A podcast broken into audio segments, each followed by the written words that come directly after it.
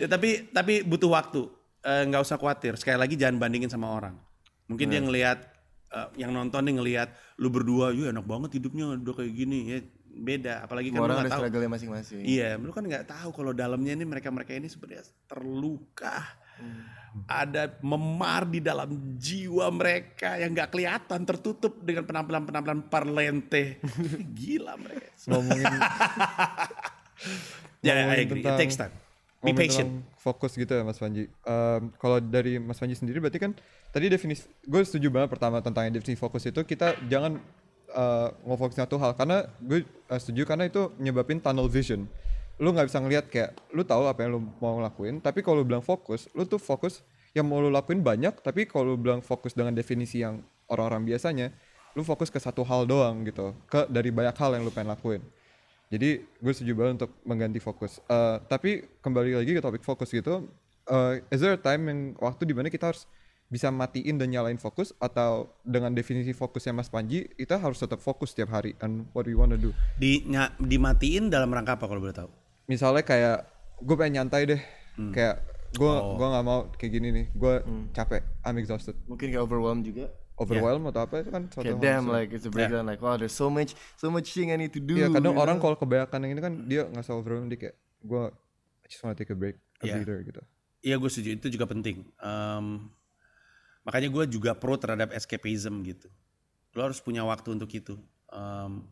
gue juga ada kok hal-hal yang gue lakuin untuk escape gitu. Gue hampir setiap malam tuh nonton sci-fi.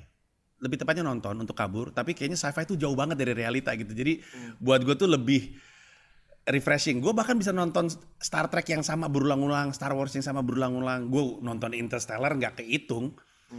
Hanya karena buat gue itu selama dua jam eh, melepaskan pikiran gue dari kerjaan dan seneng aja kadang karena gue kalau nonton stand up terlalu dekat Ya, udah bukan hiburan buat gue gue jadi analisa analisa.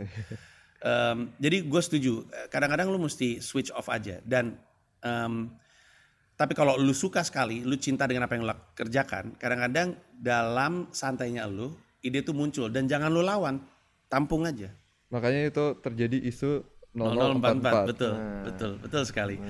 Eh, 0044 tuh sekarang jatuhnya buat gua Gue aja nggak main Twitter jadi mau buka Twitter tapi yang pengen waduh ada apa nih? Rame banget kayaknya. emang, tapi emang Twitter kan aneh tapi jatuhnya buat gua tuh 0044 tuh jadi kayak movement sekarang buat gua setidaknya buat gua pribadi 00 tuh movement untuk pro- secara provokatif mungkin istilah yang tepat adalah untuk meng- mempertanyakan konsep work life balance karena work life balance mendorong work dari life gitu Iya. There's nothing to balance if you love your your job, if you love what you do gitu. 0044 tuh lahir dari orang yang nggak bisa berhenti mikirin karyanya karena dia begitu mencintai karyanya karena dia em, seneng banget nge ngegedein ini gitu. Kayak kalau lu punya anak, lu mikirin anak lu mulu. Kalau lu punya pacar deh lu kadang-kadang mikirin jam 0044, betul? Betul. Dan kadang-kadang lu WhatsApp dia jam 0044. Dia mungkin marah karena keganggu, tapi mungkin lu udah janjian sebelumnya balas ketika kamu bangun aja. Lu WhatsApp gitu. By the way aku baru inget tadi kamu ngomong ini ini nih. Menurut aku gini gini gini. I just thought about it. Kalau ditanya kenapa jam 0044 lu WhatsApp pacar lu? Karena jam segitu gue masih inget lu. Sama kan seperti seperti pekerjaan gitu. Jadi 0044 tuh sebuah jadi kayak sebuah gerakan untuk mencintai apa yang lu kerjakan. Dia akan mengisi hari lu 24 jam, tapi nggak dalam konteks yang stres. Dia mengisi hari lu 24 jam sama seperti orang yang lu sayang mengisi kepala lu 24 jam. Harusnya pekerjaan lu, bisnis lu, karya lu adalah sesuatu yang merupakan kecintaan lu sama kayak pasangan lu. Tapi kalau gue lihat dari tweet itu ya bang, mungkin dari viewers kita mungkin yang nggak tahu tentang nge-tweet itu adalah tweet itu kan kemarin sempat viral, sampai sekarang mungkin masih viral. Karena Mas Panji itu bilang bahwa entertainer Panji is different entrepreneur Panji. Iya. Dan mungkin kalau viewers yang nggak tahu, Mas Panji itu juga punya sisi uh, bisnis di komikanya sendiri, di stand up comedy sendiri, namanya comika.id ya bang.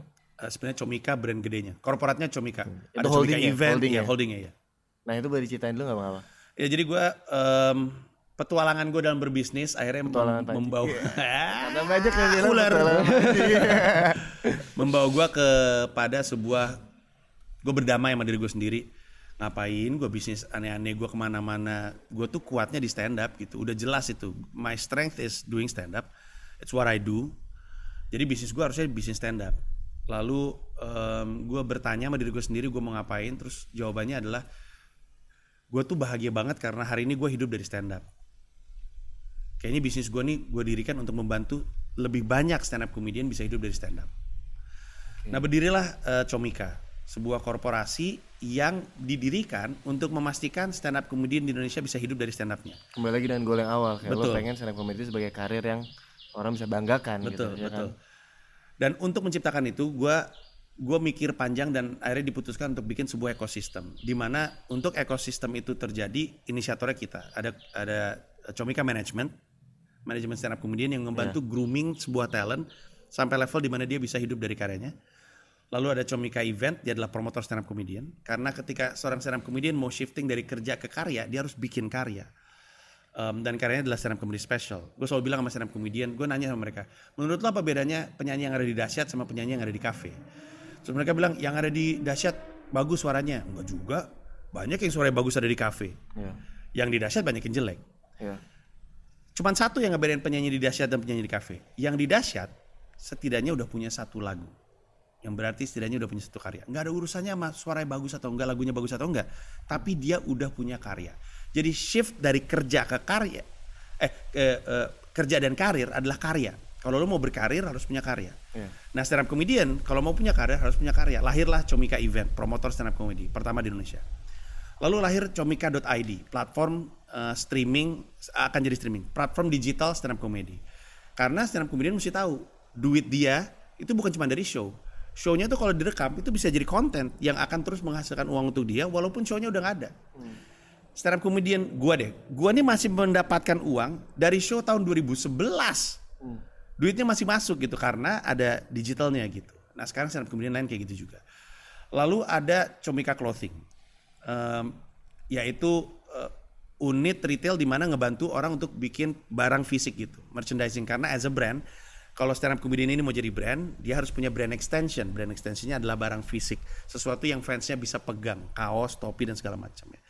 Habis itu kami juga punya comicacomedy.club yang mana adalah sebenarnya bisnis venue.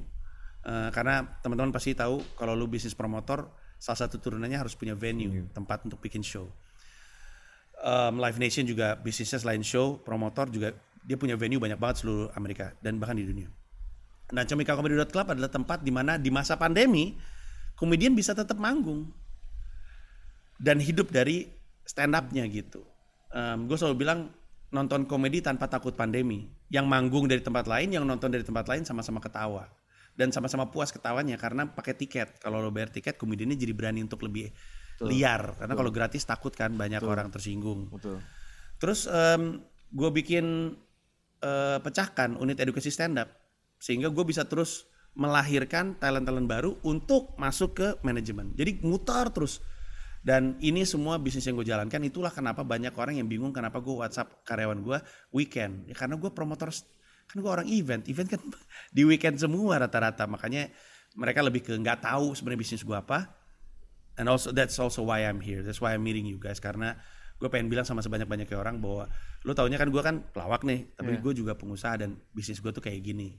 Itulah kenapa gue suka WhatsApp. Karena di tweet itu kan dibilang eh, entre- entrepreneur Panji different entertainer Panji. Gua nih orangnya demanding dan gue bisa nge-fire people quick. Yeah, Iya kan? yeah. Dan itu pasti banyak tuh langsung tuh Twitter orang panjang kan bilang kayak, "Eh, Bang, lagi pandemi kayak gini, masa lu eh, gampang mecatin orang gitu loh kayak." Terus juga ada yang bilang um, Poor time management. work life management juga kayak lo nggak tahu waktu berarti kalau kayak gitu masa kerja mulu kita kan juga ada hal yang untuk yang lain mana nih katanya Panji itu selalu menghargai waktu masa masa eh, untuk kayak gini aja nggak menghargai karyawannya Ada yang bilang juga kayak di korporasi besar aja nggak kayak gini, bos gua aja nggak nganjurin lembur, bilang udah pulang kalau udah waktunya pulang gitu-gitu. ada yang bilang juga entrepreneur Panji dari petualangan Panji ya memang betul.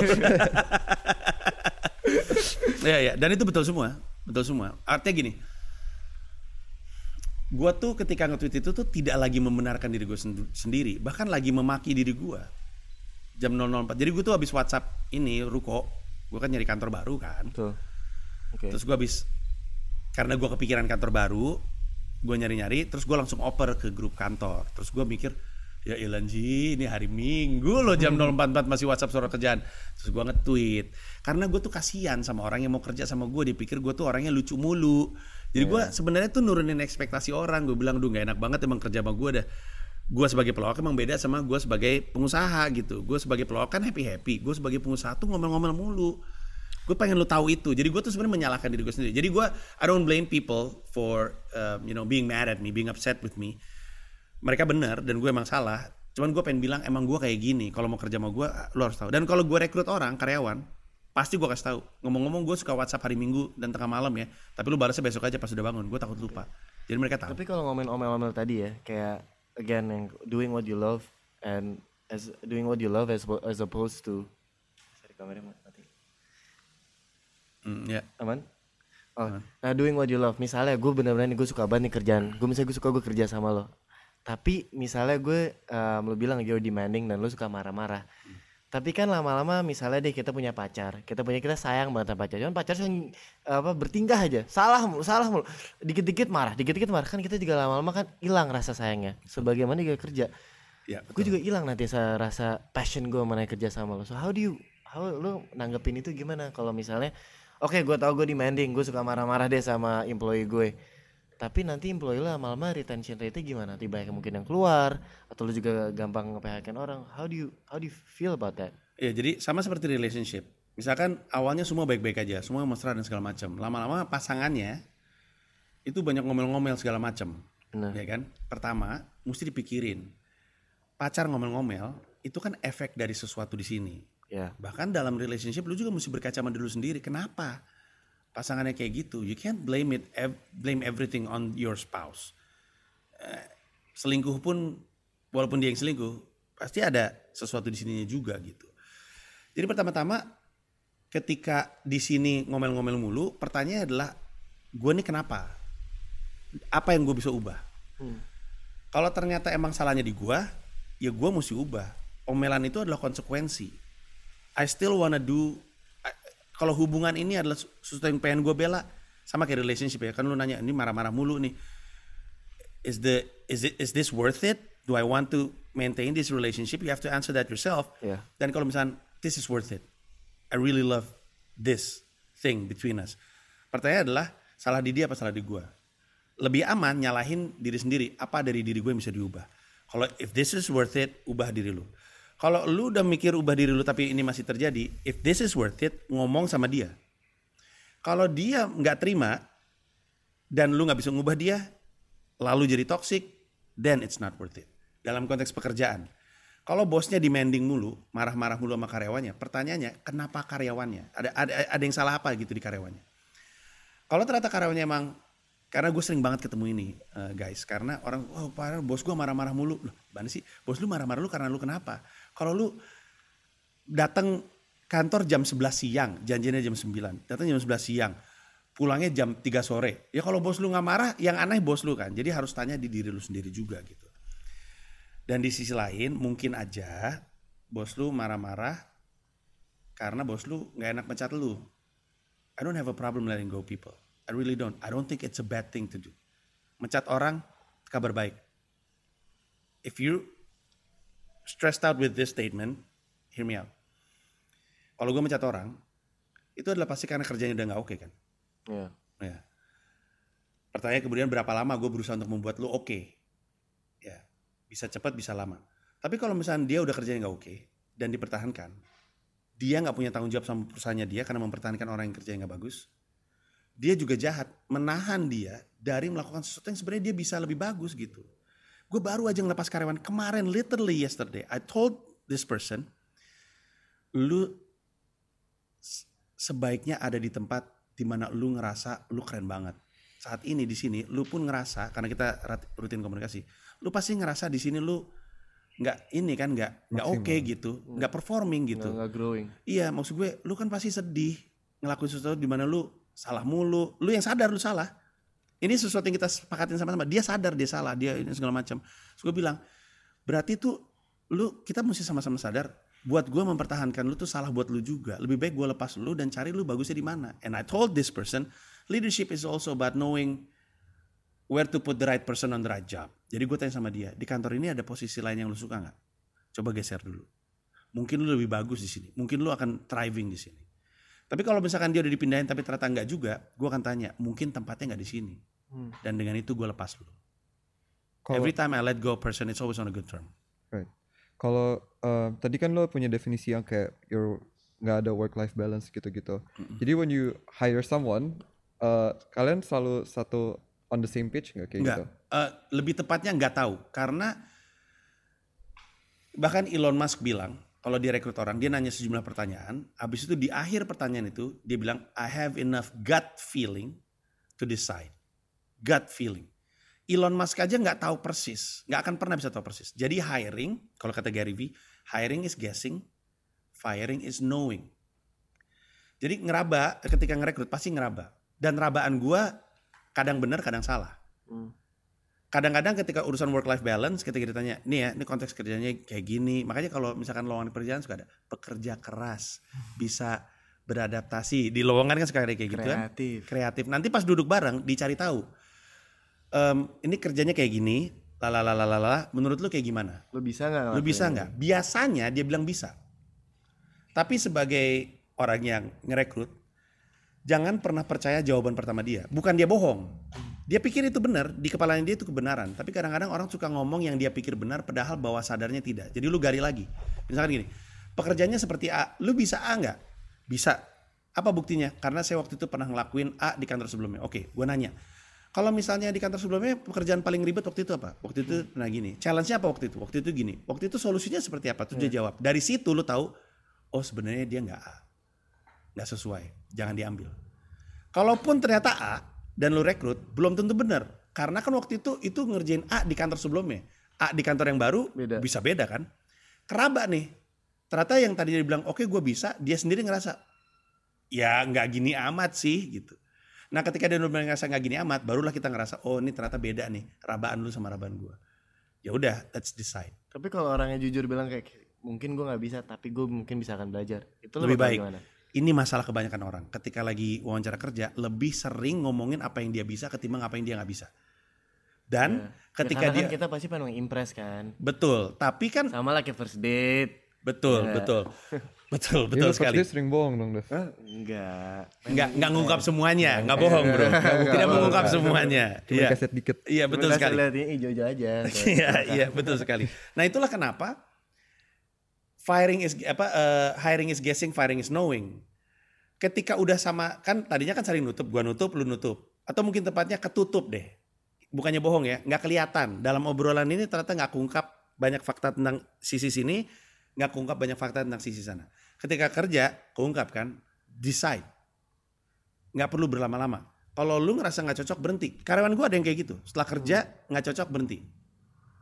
Gue juga ngelihat nggak cocok berhenti. Gue ketika rekrut selalu bilang, gue nih kalau udah tahu lu nggak pas, gue langsung cepat dalam memutuskan. Jangan kaget.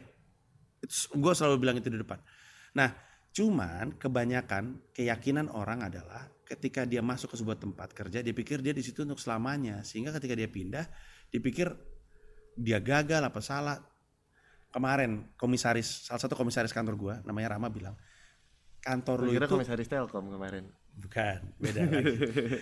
si si Rama bilang kantor lu itu adalah kendaraan untuk menuju ke tujuan lu. Kendaraan kan ganti-ganti.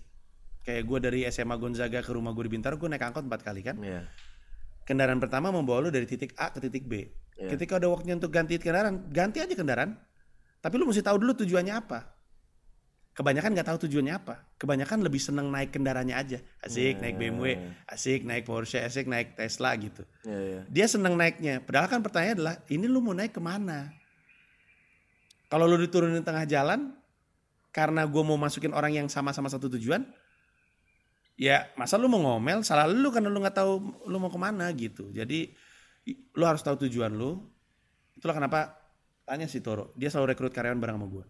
Yang gue tanya adalah, lu sebenarnya tujuannya apa sih? Dan kenapa masuk kantor gue membantu lu menuju ke situ? Hmm. Kalau dia nggak tahu jawabannya, ada dua hal. Gue tetap rekrut karena skill setnya cocok dan karakternya cocok. Mungkin eh, seiring perjalanan yang dia tahu, atau gua nggak gue ambil sekalian karena nanti dia jatuhnya nggak nggak nikmat kerja di gue. Iya, iya. Going back to tadi, uh, Comika tuh ternyata megangnya banyak hal ya. Hmm. Jadi sebenarnya gue juga nggak kaget sih kalau pada pukul 00.44 lo masih kepikiran banyak hal lain karena emang yang dipegang tuh banyak and 24 hours might not be enough untuk nge-handle semua hal yang uh, lo handle gitu kan. Ya, ya. Uh, dari sisi bisnis lain, um, lo kan seorang komika nih yang sejujurnya yang faktanya adalah ada beberapa hal yang sudah lu, yang lu pernah omongin atau lu pernah tweet atau lu pernah jadiin bahan komedi yang menyinggung banyak orang atau mungkin ada kubu-kubu yang kurang suka dan lain-lain. Eh, sekarang kan lo adalah entrepreneur Panji kan, bukan hanya uh, Panji. Em, apakah itu mempersulit em, lo masuk ke situ dan mungkin kerja dengan orang A, B, C, D atau gimana dari sudut pandang lo? Untungnya enggak. Untungnya enggak karena lebih ke gua I don't hate people. Em, mertua gua, nyokapnya Mila bilang bahwa membenci orang itu meli- melimitasi ruang gerak kita. Pernah nggak lu sebel sama orang? Terus lu mau datang ke sebuah tempat, aduh ada dia lagi, pindah yuk, pindah yuk," gitu. Ngerti ya? Iya, iya. Padahal orang itu mungkin nggak peduli juga malu. Tapi karena lu benci sama dia, lu melimitasi ruang gerak lu. Dan ini baru ngomongin orang ya, bisa aja sebuah profesi, apa pun lah. Apa pun yang lu benci akan melimitasi ruang gerak lu. Jadi jangan benci. Di sisi lain gue juga percaya, gue lebih pro mencoba memahami sebelum membenci. Ketika lu berusaha untuk memahami ini kenapa sih kayak gini, ntar jatuhnya lu nggak benci. Orang kan sering bereaksi duluan ya, misalkan eh, lu kayak begini A gitu terus gua wah gila sih lu parah lu. Umumnya orang seperti itu. Tapi lebih baik orang ketika dia bereaksi A gua langsung ini orang kenapa sih kayak gini? Coba gue cari tahu deh. Biasanya dalam rangka mencoba memahami jatuhnya jadi nggak membenci. Nah sekarang gue bukan orang yang membenci karena gua nggak mau limitasi gerak terjadi dan gua eh, lebih cenderung senang memahami sehingga ketika gua kerja ketika ketemu sama orang-orang yang nggak suka sama gue dan tersinggung sama gue, guanya nggak apa-apa. Orang gue nggak benci sama dia, dianya mungkin jadi nggak mau kerja sama gue. Tapi lucunya kadang-kadang dia suka terpaksa kerja sama gue dan yang sering terjadi adalah gue kerja sama orang lalu suatu hari orang bilang tau nggak, gue tuh sebenarnya sebel banget sama lu, sebel banget gue. Cuman ya terpaksa kerja dan lama-lama ternyata ya lu nggak seperti yang gue pikir. Itu yang lebih sering terjadi. Jadi gue nggak nggak terganggu apa-apa karena gue nggak pernah benci orang. Orang lain yang jadi terganggu karena ruang geraknya minim karena dia benci gue. Tapi biasa ketika dia terpaksa kerja sama gue, lama-lama dia berubah sendiri opininya gitu. Gue rasa banyak banget ke orang yang tadi nggak suka sama gue, terus pas kenal sama gue semakin tidak suka. Nah, tapi tapi gue nggak pernah jadi masalah buat gue. Tapi lu dari seseorang entertainer bikin eh, sebagai entrepreneur yang perusahaan yang besar gitu. Lini bisnisnya banyak juga bukan hanya cuma satu. Kan Komika itu sebagai um, the holding banyak bawahannya itu kan pasti butuh sosok leadership style yang sangat core pastinya kan. Apalagi you know as an entrepreneur as a big as a big business owner itu kan pasti you have to have a character in a leadership. Apa sih um, mungkin juga ini reflect terhadap kami yang ingin menjadi entrepreneur juga apa sih leadership style yang you you try to implement in your daily business karena seperti yang gue lihat tuh kayak mungkin ada authoritariannya juga where you're more of um, demanding where you pressure your worker but is that something you wanna do? You always pressure them? Or lebih yang kayak ada lazy fair juga kan di mana yang kayak santai ya udah yang penting nanti kerjanya la- lancar gitu. Apa sih leadership leadership style lo Gue susah untuk mendefinisikan ini karena kayaknya lebih baik orang yang menilai gue ya, orang lihat gue seperti apa. Karena gue kan bisa lo ada inspirasi kan Tapi oh, gua apa yang lu pengen- coba achieve mungkin yang kayak Iya. image yang lu pengen berikan kepada orang-orang yang bekerja di bawah lo? di mana lo juga bisa untuk uh, men- me- apa menca- mencapai tujuan yang tujuan company lo but at the same time employee-employee itu harmonis juga hubungannya juga dengan lo karena kan when the employees are happy and harmonis itu kan juga pekerjaannya jadi maksimal ya kan ya gue nggak bisa mendefinisikan tapi gue cerita aja ya pendekatan gue dalam memimpin tapi akan kelihatan jelek sekali nih tapi ini pendekatan gue sekarang because I've been I've been a boss and a manager in different workplace for so long ya jadi mungkin gaya kepemimpinan gue, pendekatan gue dalam memimpin tuh berubah-ubah. Kalau sekarang tuh gue lebih kayak gini. It's either you're on board or you're not. This is the board, uh, this is the ship. This is the way I do things. I really wish I can change, but I cannot. Go with me. If you wanna be on board, go on board. Kalau enggak, ya udah nggak apa-apa. Itu leadership gue. Dan gue selalu bilang, gua nggak pernah membiarkan siapa pun menghalangi gua menuju apa yang gue inginkan. Sehingga apa pun gua lakukan untuk mencapai ke sana, kalau gue mesti gendong lu semua, gue gendong lu semua. Bulan Maret atau April, April, bulan April 2020. Ketika lagi meeting, meeting kantor, gue bilang, kalau perlu gue bopong, gue bopong nih. Gue LeBron James juga nih kantor. LeBron James kan ngelakuin semuanya kan. Nggak At the end of the day, sometimes he win a championship, championship, sometimes he doesn't. Yeah. Right? Tapi kadang-kadang dia mesti kerja sama orang kayak JR, JR Smith yang nggak jelas mau diapain. Kadang-kadang dia mesti kerja sama Eric Snow. Kadang dia mesti kerja sama siapa pun lah. LeBron James ini kasihan bener hidupnya. Tapi LeBron James, LeBron James 2017, eh 2000 berapa sih? 18 yang sendirian kan Yang sendirian, yang sendirian, yang udah gak ada 2017. Kyrie. The king needs help kan itu. 18, Iya, Tiga. 18. menurut gua itu LeBron Paling James jago. terbaik, men. setuju gue LeBron James terbaik dalam karirnya. Bahkan gak sekarang. Sekarang dia efektif sekali. Dia pilih-pilih karena supportnya banyak. LeBron 2018 tuh gila banget semua dia lakuin. Dia to- top uh, on his team in points, rebound, assist, apalagi gue lupa blocks kalau gue nggak salah. Semuanya dia lakuin. Nah gue itu pendekatan gue. Gue tuh gue selalu bilang gue LeBron James jadi gue LeBron James aja nih. Gue gua gua gotong deh lu semua. Tapi seperti yang lo tahu LeBron James juga he does defense, he does assist, he does points sometimes. Di kantor juga gue seperti itu. I supply people, I push people, but I supply them too. Kalau ada yang membal, if something goes wrong, shootnya seorang membal, gue yang selamatin. Lawan kita making a mistake, nggak ada yang nyomot, gue yang comot. I do anything, but I supply. I make everything look better. Right? That- That's what LeBron James do. Dia bikin semua orang jadi kelihatan bagus. Waktu itu pernah ada meme kan dia king. LeBron James bawa tim seperti ini ke final gitu. Eh, eh, eh, apa namanya? Itu yang gue lakuin dan um, mungkin it- mungkin lebih tepatnya mungkin itu jawabannya. If I want to define my leadership style, it would be LeBron James karena I believe in um, celebrations. Kemarin tahun lalu, tahun 2020 awal, kami outing ke Jepang satu kantor. Karena result 2019 tuh oke banget. We did it. LeBron James dan tim menang, menang. Terus kami outing ke Jepang. Terus tahun 2020 datang. Pandemi datang, terus gue bilang, guys ada orang pada bertahan, but I want us to win. Let's win it. Orang pada ngerem, kita ngegas, let's go. Capek-capek deh nih. Terus gue bilang, kalau LeBron James bopong, LeBron James bopong nih. And then we won. Tahun 2020, profit perusahaan gue hampir empat kali lipat dari tahun sebelumnya. Gila. Dengan pandemi, How? dengan karyawan dua kali lipat, dengan industri, gue ini bukan Zoom dan bukan plexiglass yang ketolong gara-gara pandemi. Gue tuh stand up comedy. But our profit almost four times before tahun yang gak ada Dan pandemi. in fact lu membuka lapangan pekerjaan ya bukan malah fire-fire orang ya. I fire a lot, but I hire a lot too. Ya betul sekali. Karena diganti. diganti. Jadi gue copot untuk gue isi Tapi gitu. kan dua kali lipat berarti lu tambah juga kan Ya nambah juga betul, betul sekali. Em, dan sekarang gue ngumumin sama anak kantor guys, kini kita ber-21 kita outing lagi ke Jepang. Cuman memang karena lagi pandemi kan, eh, kita nunggu waktunya. Nah tapi gue selalu bilang sama orang-orang, Kenapa nggak domestik dulu, domestic travel? Kan sekarang lagi pandemi ini kan. bisa juga, may- maybe that would happen tahun ini, mungkin, mungkin itu akan terjadi. Eh, tapi gue bilang sama anak-anak, this is why I know gue ini lebron banget. Gue nggak mau nanti ketika misalnya kita, karena rencananya Jepang kan, ketika gue ke Jepang, gue ajak lu semua, gue tahu gue yang bopong, terus gue nengok, ngapain Eric Snow ada di sini? Ngerti nggak maksud gue? Dalam konteks kantor tuh gue kayak gitu.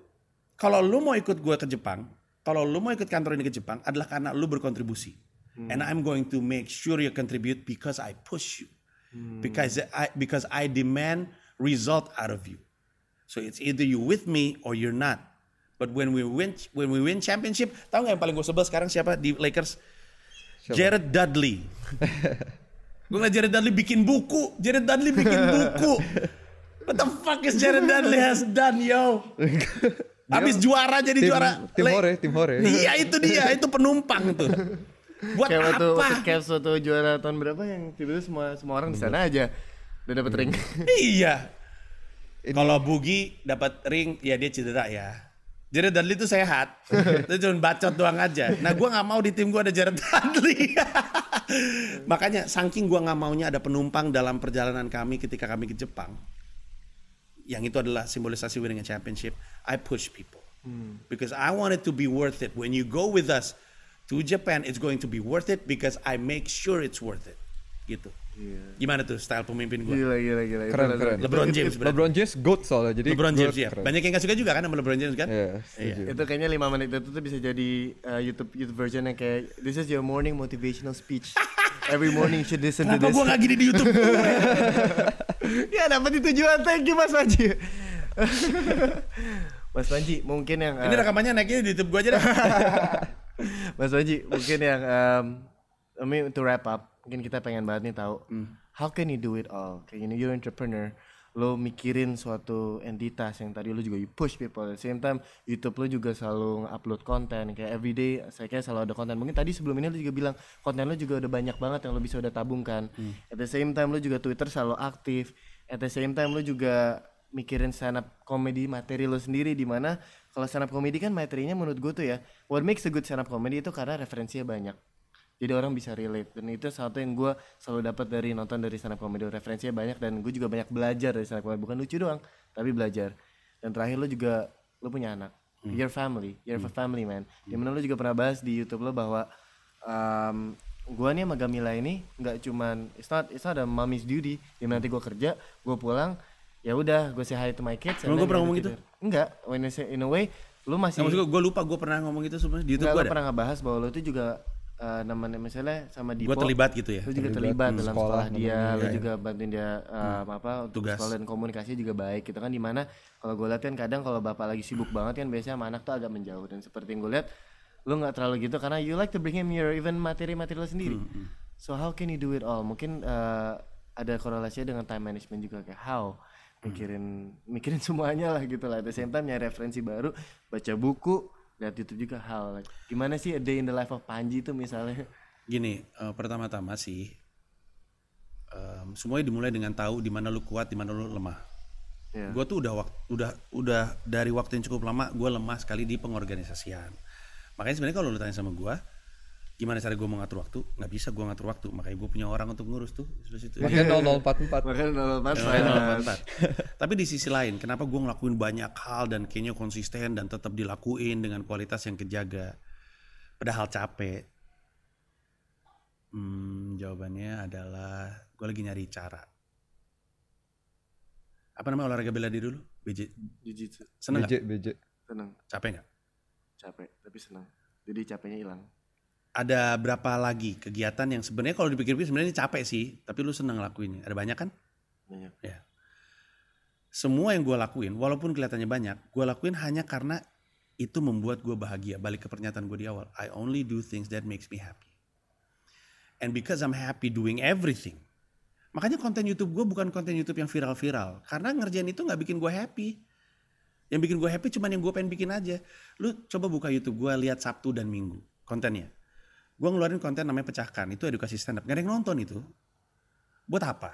YouTuber katanya nyari views, nyari AdSense. Tapi gue bikin YouTube bukan karena views sama AdSense. Gue bikin YouTube karena membuat sesuatu itu bikin gue bahagia. Sesuatu ini gak punya tempat, TV gak mau. Gue eh TV mau nggak bayar gue cuma nonton belakang gue latar belakang buku-buku, terus gue ngomong aja apa yang gue mau. Mana mau TV kayak gitu kan? Tapi ini membuat gue bahagia, jadi gue bikin aja sendiri gitu. Eh, dan kalau misalkan gue selalu mikirin insentif lain kayak views, AdSense, youth, apa eh, duit dan segala macamnya, gue nggak akan ngelakuin yang gue lakuin ini.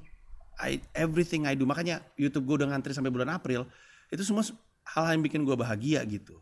Baru aja gue ngomong sama eh, tim gue namanya si Dimas ini, em, gue mau bikin konten yang sebenarnya rada ribet kalau dipikir-pikir ya. Jadi ada orang curhat bisnis, terus nanti gue mau ketemu sama dia via zoom kita diskusi soal bisnisnya, mau kan? Mungkin gue bisa bantu. Nah, kenapa gue ngelakuin itu? Karena itu membuat gue seneng. Gue seneng kalau gue bisa terlibat membantu bisnisnya dia karena dia jadi bisa hidup dan ngidupin keluarganya.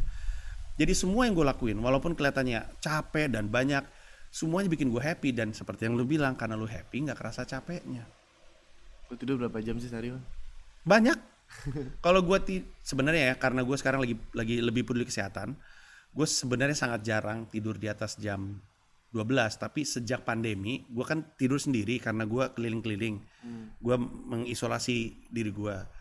gue tuh suka susah tidur kalau jauh-jauh atau nggak nggak bareng sama keluarga.